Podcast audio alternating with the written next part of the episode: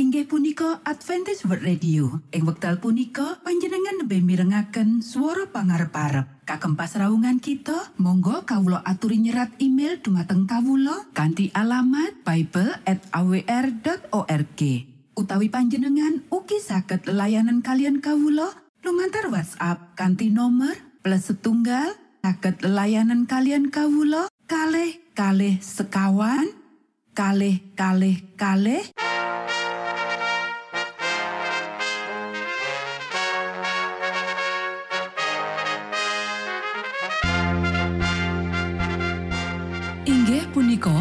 Adventist World Radio ingkang giaran kanthi basa Jawi.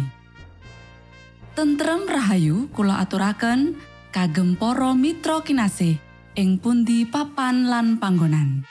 Sugeng pepanggian malih kalian Adventist World Radio. Kanti bingahing manah Kulo badi sesarengan kalian poro mitra kinasi. Lumantar saperangan adicara ingkang sampun rinonci. Mligi kagem panjenengan sami. Mugi giaran punika saged migunani tuwin dados berkah kagem kita sedoyo. Sugeng midhangetaken Gusti amberkahi.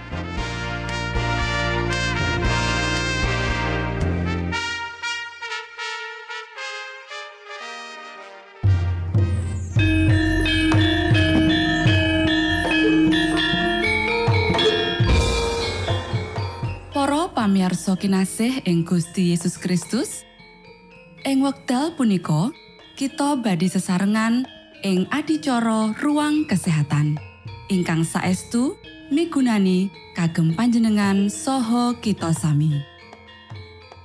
Tips utawi pitedah ingkang dipun aturaken ing program punika tetales dawuhipun Gusti ingkang dipunnyatakaken ing kitab suci. Semanten ugi sakehing seratan ingkang dipun wangsitaken dening Gusti Allah. Nanging saderengipun, monggo kita sami midhangetaken kidung pujian.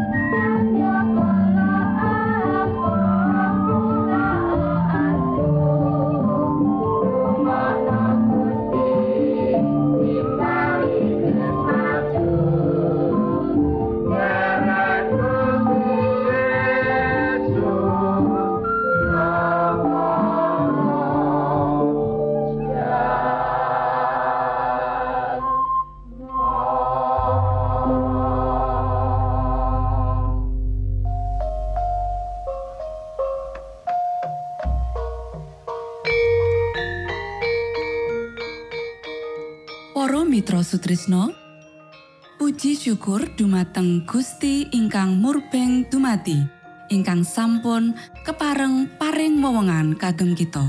Satemah saged nglajengaken ruang kesehatan. Pirembakan kita semangke kanthi irah-irahan. Prabedan sing gedhe sakjroning babagan panganan perangan katelu.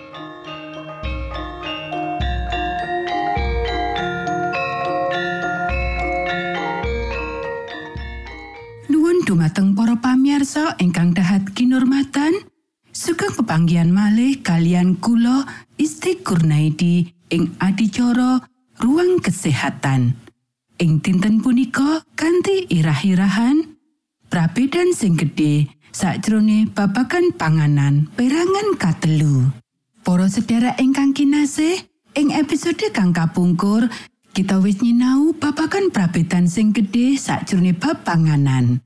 Saiki kita bakal nerusake nyinau babakan prabetan sing gedhe sakjroning panganan iki sabanjure. Para sederek kabeh kudu sinau apa sing bakal dipangan lan kepiye carane nglatekake. Kaum pria kaya uga kaum wanita perlu mangerteni carane nglatekake panganan sing prasaja nanging nyihatake.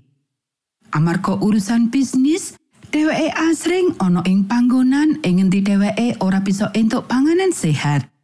Mula, menawa dheweke duweni pangerten masak-masakan, dheweke bisa migunakake. Para sederek pertimbangno kanthi teliti menu pangananmu. Sinaunen faktor sebab lan akibate. Tuwohno pengendalian diri. Jaganen supaya selera tetap ono sangisore pengendalian akal sehat. Ojo nganti nyalahgunakake weteng kanthi mangan kakean, nanging ojo uga ngrampok awake dhewe kanggo panganan nyehatake lan lesat sing dituntut dening kesehatan. Pemikiran-pemikiran sing cekak saka sebagian uwong sing pengin dadi pembaharu kesehatan wis banget ngrusak marang usaha kesehatan. Para penganut kesehatan kutu kelingan menawa reformasi panganan bakal dipiji kanthi cara ombo kanthi suguhan sing disiapake ing meja nedha. Lan ganti nggunakake pola sing bakal ngregeti, dheweke kudu meni conto pelaksanaane prinsip-prinsip supaya nganjurake marang wong-wong sing pandangane tulus. Ana sekolongan gede sing bakal nentang sawijining gerakan pembaharuan. Kaya ngopo wae iku mlebu akal. Menawa bab iku mbatesi selera. Para sederek, wong-wong dewakake selera kantine penalaran utawa aturan-aturan kesehatan. Dening kelompok iki, kabeh sing ninggalake dalan pakulinan lawas lan belo reformasi bakal dianggap radikal. Kaya ngopo wae konsistene usahane iku.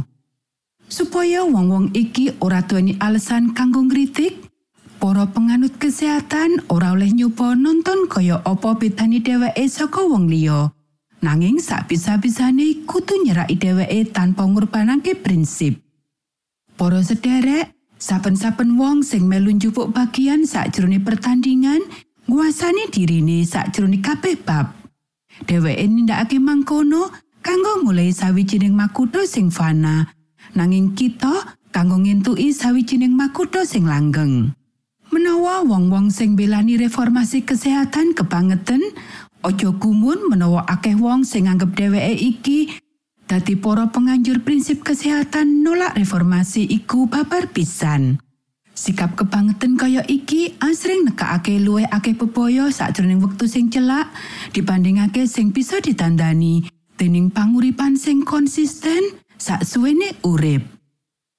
Para sederek, reformasi kesehatan didasarake marang prinsip-prinsip sing ombo lan jangkauane atuh. Lan kita ora entuk ngremehake kanthi pandangan-pandangan lan tindakan-tindakan sing cekak. Nanging ora wong sijio entuk ngidinake perlawanan utawa cemoohan utawa uga kepingin kanggo nyenengake utawa mengaruhi wong liya. supaya ngalihake dheweke saka prinsip-prinsip sing bener utawa nggawe dheweke ngremehake prinsip-prinsip iku. Wong-wong sing dikuasani dening prinsip bakal teguh lan mantep belo sing bener. Nanging sakjroning kabeh sesrawungane dheweke bakal nuduhake roh sang Kristus sing pemurah lan kaprasajan sing sejati. Matur nuwun Gusti amberkahi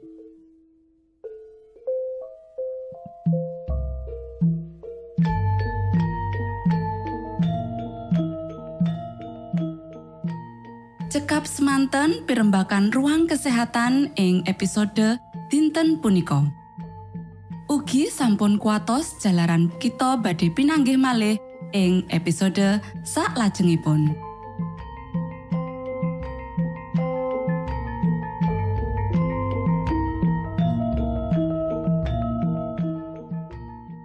inggih punika adicara ruang kesehatan. Menawi panjenengan gadah pitakenan utawi ngersakaken katrangan ingkang langkung Monggo kulo aturi. Kinton email dateng alamat ejcawr@ gmail.com utawi lumantar WhatsApp kanti nomor 025 pitu 00 songo songo papat 00 pitu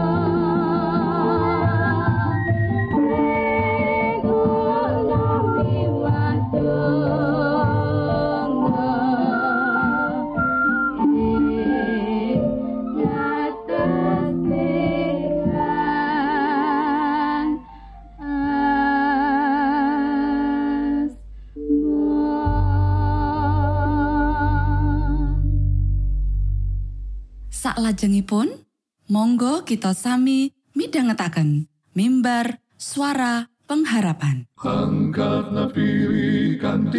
Pawarto Sang Kristus paderamu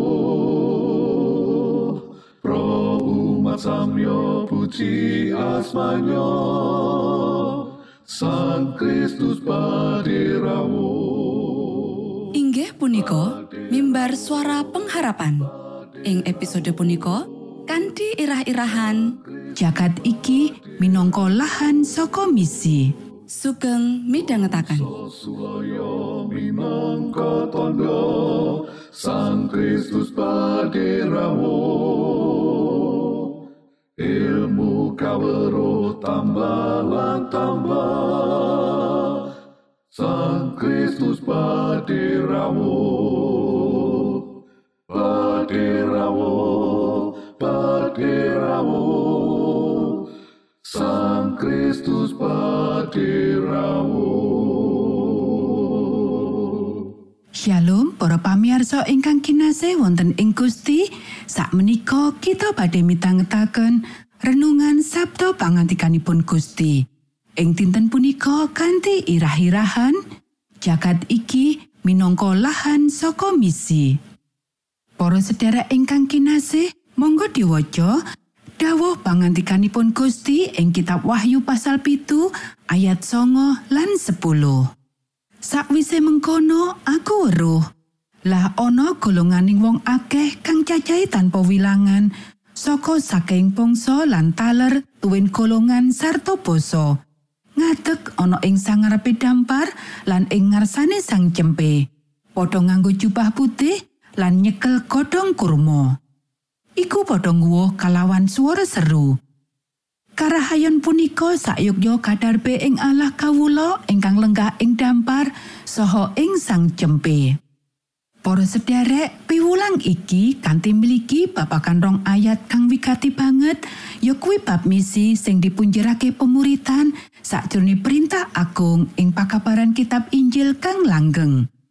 Apike ana rong perangan tembung kang salah sawijine bisa nyambung nang endi misi iki dilakoni. Tembung ayat-ayat kuwi lunga dadekno kabeh bangsa iki siswaku.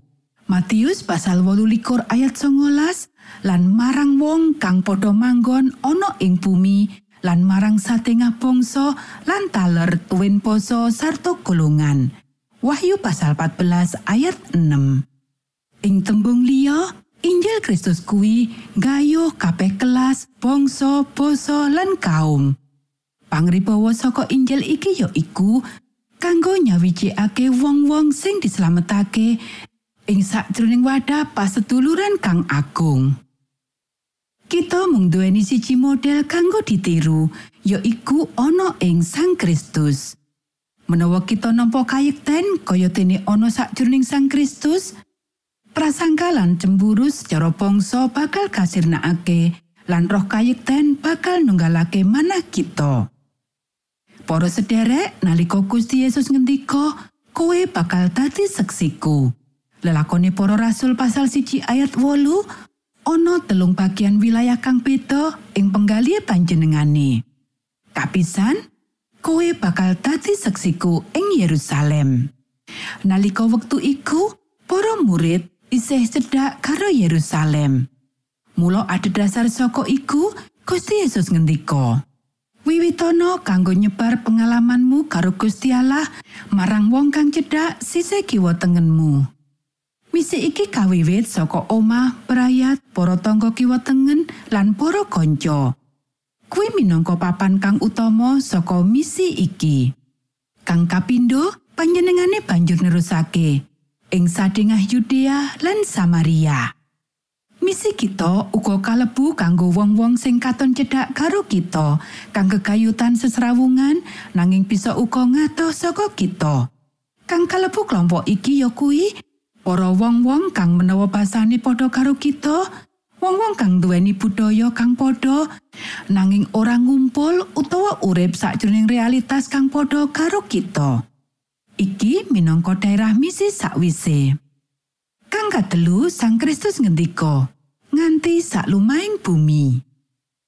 Misi Gusti Allah nimbali kita kanggo ngrengkuh pribadi-pribadi ing ngendi paran. Para bangsa, kumpulan wong, basa lan suku kuwi minangka area pungkasan saka misi kita. Para sedherek ingkang kinasih, dadi sawijining seksi kanggo sakabeh bangsa, pangatikane juru wilujeng, kowe minangka terangi jagat, nunjukake sawijining kasunyatan, menawa panjenengane wis mercayakake marang para pendereke sawijining misi kanggo salumaing jagat. Kaya dene sunare srengenge kang bisa nembus sudut-sudut bumi kang adoh banget, semono uga Sang Yehuwa wis ngerancang menawa kitab Injil kutuk disampaiake marang jiwa-jiwa ing bumi. Menawa Gereja Kristus wis ngayahi maksud saka Gusti Allah kita, banjur pepadang bakal sumunar marang sakabeh wong kang urip ing pepeteng lan ing ayang-ayangi wong mati. Kantine padha ngumpul bareng lan selak saka tanggung jawab sarta selak kanggo mikul salibe Gusti. Para anggota gereja kutune sumebiar ing papan panggonan lan ngumbar sunare Sang Kristus sumunar saka dheweke. Makaryo kaya dene Gusti Yesus makaryo kanggo keselamatane jiwa-jiwa lan Injil kraton iki bakal sigra sumebiar ing saindenging jagat. Monggo kita sami ndedonga. Duh Rama kawula ingkang wonten ing swarga, asma patuko mugi kasucikaken. Kraton patuko mugi rawuh, karsa patuko mugi kalampahan wonten ing bumi, kados dene wonten ing swarga. Kawula mugi kaparingan rejeki kawula sak cekapipun ing dinten punika. Saha patuko mugi ngapunten kalepatan kawula, kados dene kawula inggih ngapunteni tetiang ingkang kalepatan dhateng kawula. Punapa dene kawula mugi sampun ngantos katantukaken dhateng ing panggoda nanging mugi sami patuko uwalaken saking piawon. Awit dene patuko ingkang kagungan kraton saha wisesa tuwin kamulyan salami laminipun. Amin.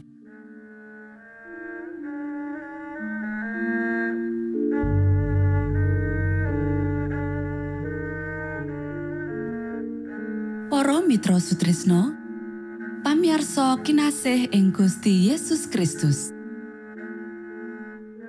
sampun paripurno pasamuan kita ing dinten punika. Menawi panjenengan gadah pitakenan utawi ngersakaken seri pelajaran Alkitab suara nubuatan Monggo Kulo aturi kintun email dateng alamat ejcawr gmail.com utawi lumantar WhatsApp kanti nomor 025 pitu 00 songo songo papat 00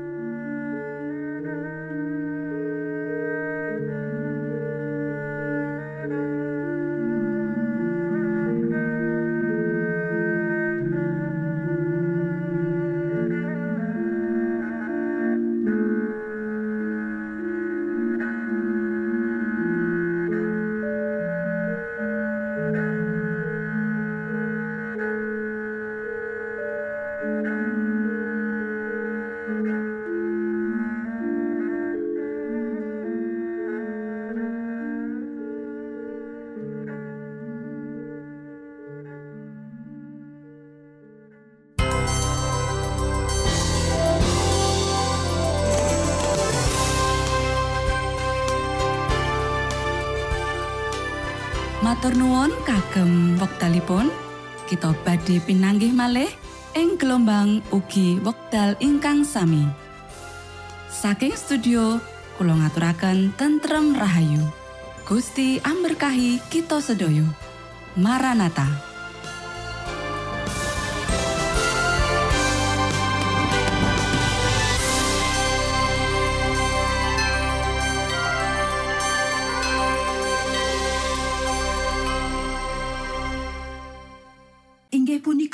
Adventist World Radio. Ing wekdal punika panjenengan lebih mirengaken swara pangarep-arep. Kagem pasraungan kita, monggo kawula aturi nyerat email dumateng kawula kanthi alamat bible@awr.org.